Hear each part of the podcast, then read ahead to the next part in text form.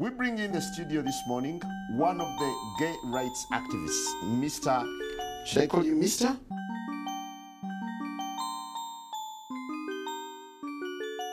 Thank you for coming in. Thank you for Good morning. morning. Why are you gay?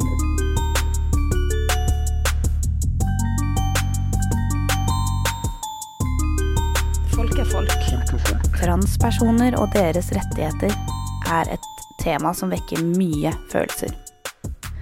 Her i Norge raser debattene om kjønnsbekreftende operasjon til ungdom, og om JK Rowling har vært transfobisk eller ikke. Men hvordan er det å være født i feil kropp på det afrikanske kontinent? Hva slags utfordringer møter man på da? For svar har vi ringt denne dama. Jeg heter Kjersti Haugland, er seniorrådgiver i eh, Sex og politikk. Eh, Sex og politikk er da altså det norske medlemmet i den internasjonale organisasjonen for seksuelle rettigheter. International Planned Parenthood Federation. Vi jobber da med seksuelle rettigheter i Norge og internasjonalt. Jeg har jobba med seksuelle rettigheter eh, med partnere i sørlige Afrika og på det afrikanske kontinent. Og det ble tydelig at eh, kampen for eh, like rettigheter, eh, uavhengig av hvilken seksuell orientering en definerer seg som, eh, var veldig viktig.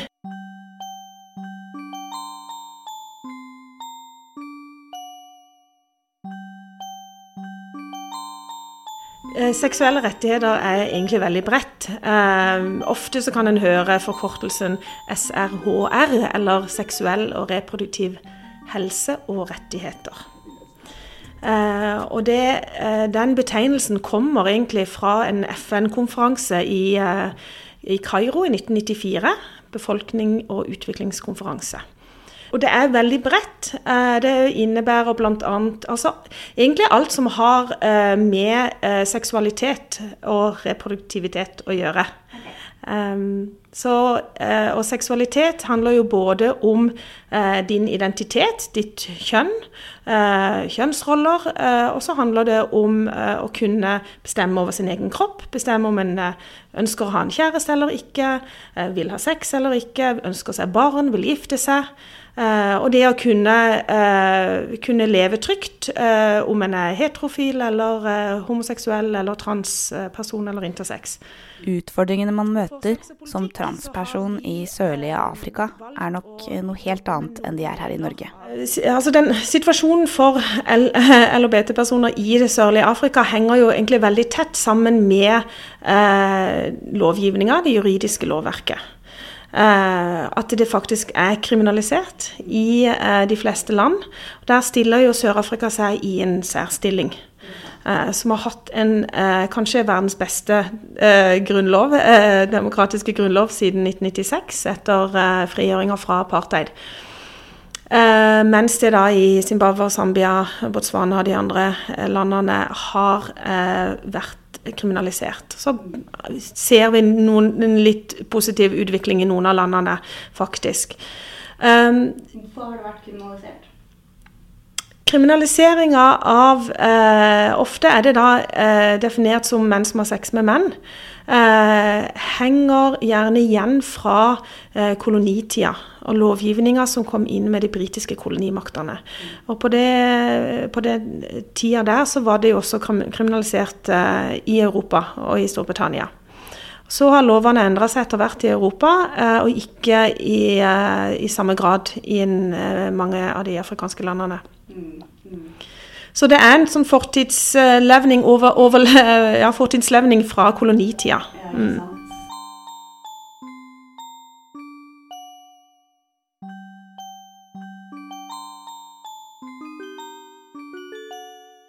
Trans, eh, transpersoner i, eh, i, eh, i det sørlige Afrika, for så vidt i, i, i veldig mange land, er jo en av, en av utfordringene er jo det med tilgang, på, eh, tilgang til behandling.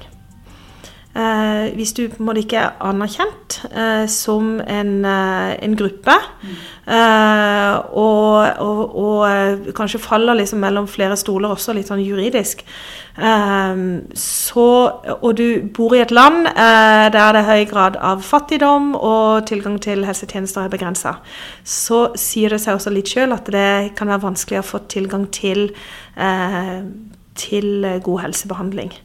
Eh, og særlig hvis du ønsker kjønnsbekreftende behandling. Det er en del som reiser til Sør-Afrika. De prøver å spare opp eh, penger eh, og drar til Sør-Afrika for, for, å enten begynne på hormonbehandling eller kirurgiske operasjoner. Um, innenfor nå jobber jo uh, vi i Sex og politikk uh, og IPPF med helse.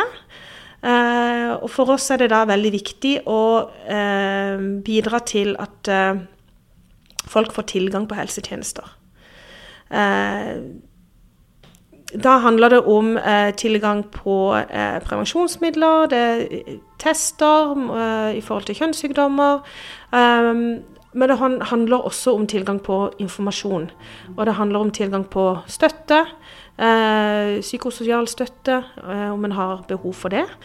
Um, så, så, vi er opptatt av at alle skal ha rett på og tilgang til tjenester, uavhengig av om du eh, er i en relasjon der du mottar gaver eller ytelser for sex, eller om du selger sex eh, på gata. Eh, om du er lesbisk eller homofil eller transperson, eller om du er ungdom eller gammel. Um,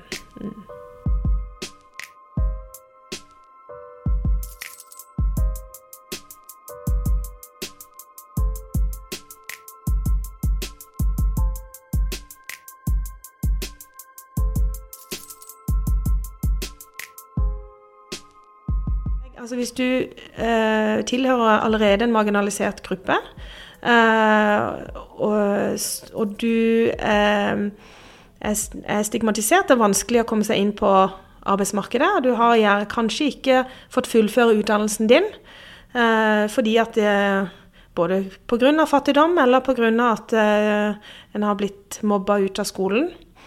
Eh, så må du, må du, finne en måte å skaffe deg penger, rett og slett, og skaffe et levebrød. Eh, og da er salg av sex en av eh, de måtene som en del ungdom tyr til. sånn at det er Sånn som per den juridiske definisjonen, så er det, er det en ulovlig aktivitet. Så det gjør det jo også Det gjør også de som driver Eller de som selger sex. Eh, enda mer utsatt. Fordi at de er på en måte allerede litt sånn uh, utenfor, uh, utenfor, lovens uh, lange arm. Og så er det ikke alltid at lovens lange arm er, er positivt heller.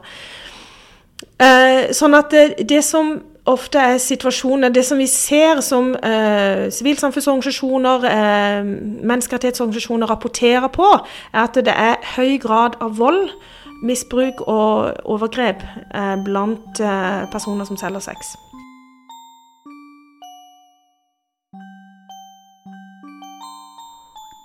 Ikke overraskende så har mange av utfordringene i bunn og grunn med politikk å gjøre.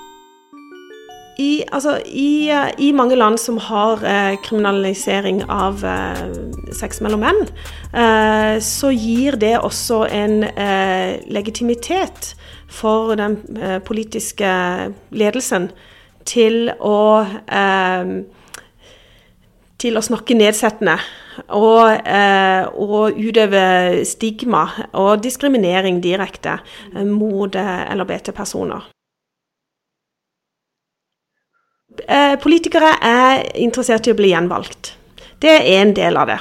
Det skaper engasjement, det skaper følelser. Det vekker følelser. De snakker til følelsene hos folk. Kanskje er det så enkelt som det. Og, og når de snakker på den eh, måten, eh, sånn som da Mugabe er veldig kjent for å ha sagt, at eh, gays are worse than pigs and dogs, så gir det også en legitimitet til folk generelt i befolkninga til å stigmatisere og, og diskriminere LHBT-personer. Politikere um, På den ene sida kan du si at de er kyniske, og på den andre sida kan du si at det, de bygger opp under uh, en del normer og holdninger som også allerede eksisterer i samfunnet. Uh, og dette henger jo sammen med uh, altså normer og oppfattelser som har vært i samfunnet over lang tid, som også eksisterer i Norge. I forhold til F.eks. Altså, eh, kvinner eller marginaliserte grupper. Eh, synet på, eh, på, ungdom, på unge, unge jenter. Hva, hvilken, altså det med å ha veldig trange kjønnsroller. Eh, det skal lite til før, du, eh, for, før, du på en måte beveger deg utenfor, og da, da, da er du ikke en del lenger av det gode selskapet.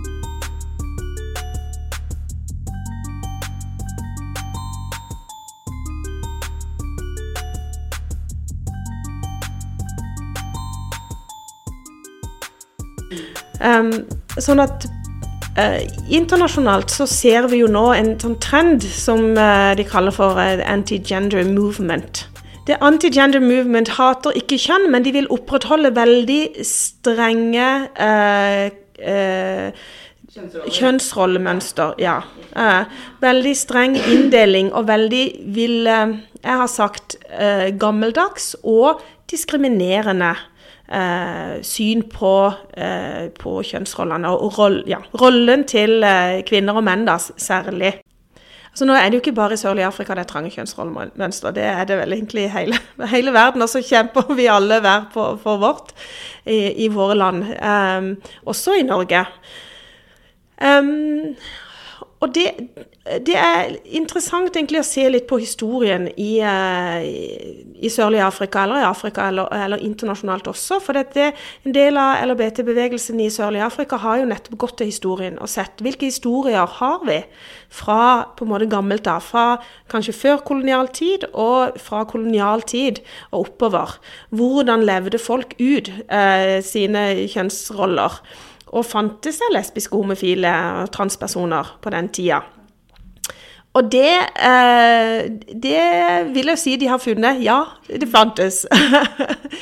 eh, og, og, og, det er en sånn Det er en måte å bygge en historiebeskrivelse på, på nytt. Ofte eh, får altså politiske ledere eh, og for så vidt religiøse ledere bruker ofte det argumentet at dette er uafrikansk. Dette har vi ikke i Zimbabwe, dette har vi ikke i Zambia. Eh, dette eksisterer ikke her. Dette kom med europeerne, dette kom fra Europa. Eh, dette er import. Importert. Eh, men så er det faktisk ikke det. Når du viser, viser de historiske fortellingene, så viser jo at det har faktisk vært en veldig sånn kanskje glidende overganger og muligheter for å utøve sin eh, kjønnsrolle på ulikt vis. da. Eh, og da hette det ikke lesbisk og homofil og transperson. Da hadde en andre lokale navn på det. Så det er også en del av den bevegelsens eh, sin måte å på en måte ta, ta tilbake sin egen historie. 32-year-old Sia Hlongwa knows the difficulties of living as a transgender female. Within a week, I was told that um, the staff at the shelter were not comfortable with me as a trans woman being in the presence of other women because um, I would be making advances at them. Well, in their eyes, I would be making advances at them.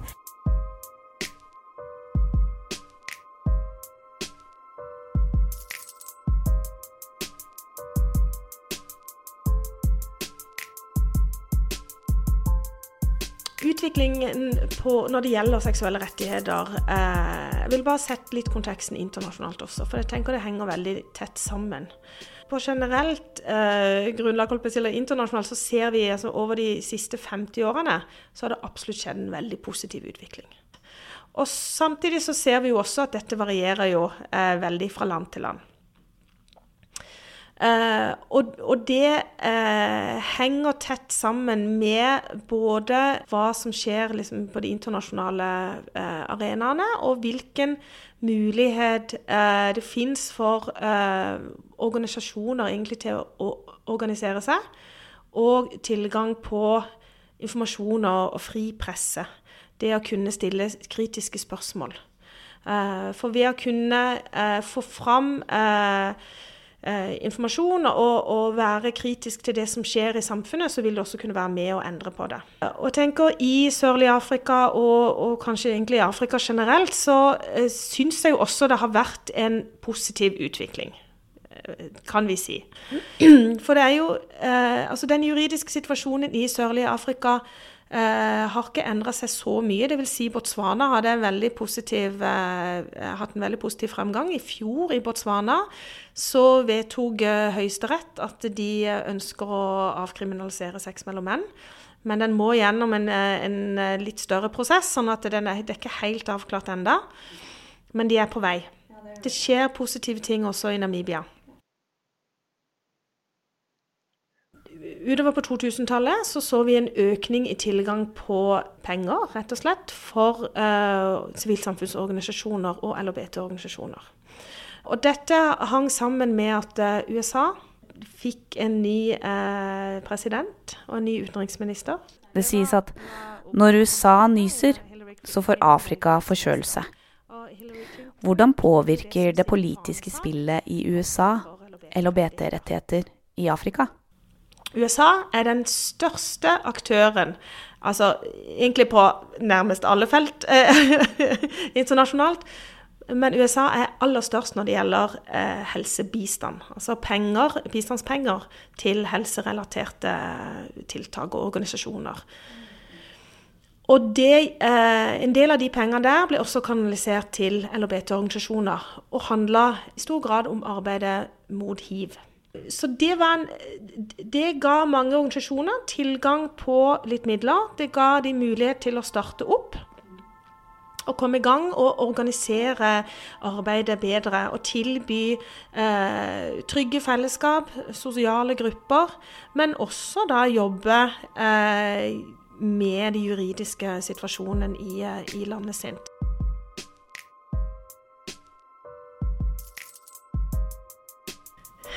Ja, altså USA eh, har som sagt eh, stor makt eh, internasjonalt. også faktisk når det gjelder utviklingen av eh, rettigheter på det afrikanske kontinentet. Eh, under de republikanske så har de hatt en tendens til å støtte organisasjoner eh, og grupperinger som er negative til LHBT-rettigheter og til uh, under uh, Bush og Trump, og for så vidt tilbake helt til 1984, under de republikanske presidentene, så har de innført noe som heter The Mexico City Policy.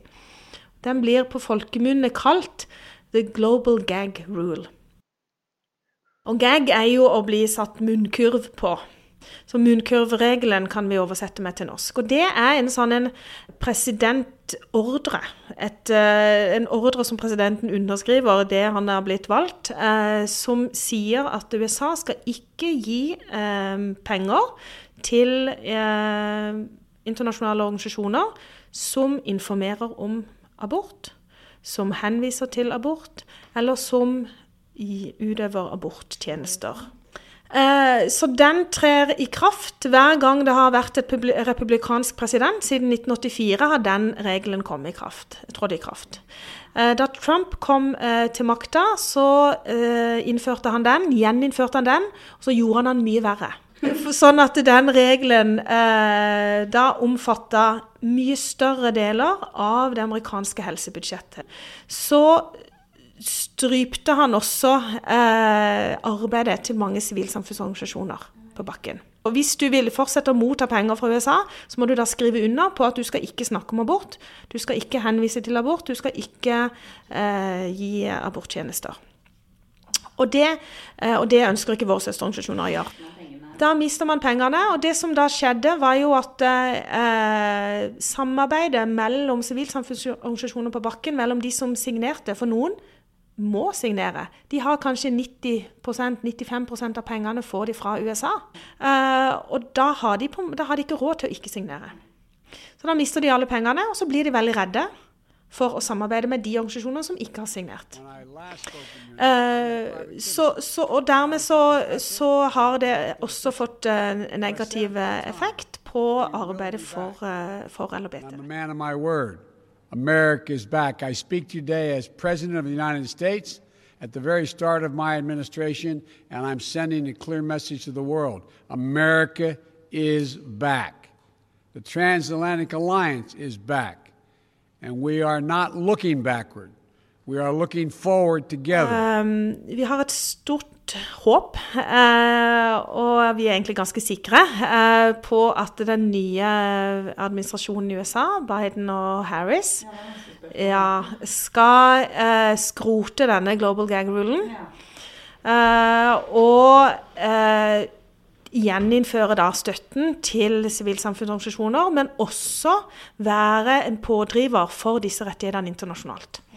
For det har også skjedd at USA har, fått, uh, har drevet en ganske aktiv kamp i FN og på landnivå og i regionale fora mot tilgang til abort og mot rettigheter for LHBT-personer.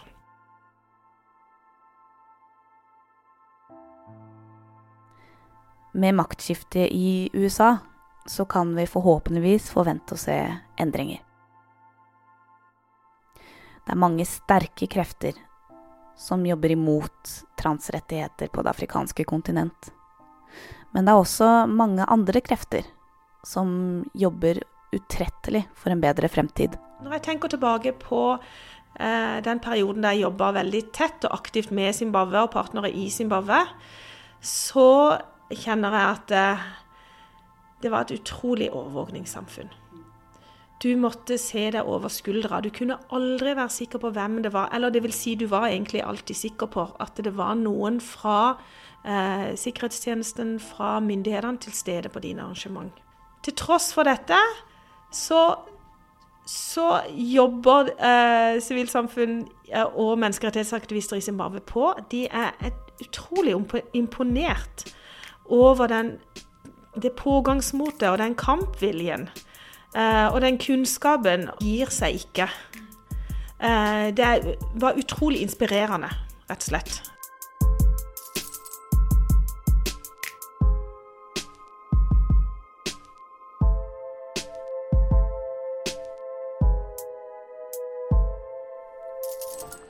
Jeg heter Marte Tveit, og dette har vært en episode av Afripod, podkasten til nettmagasinet afrika.no.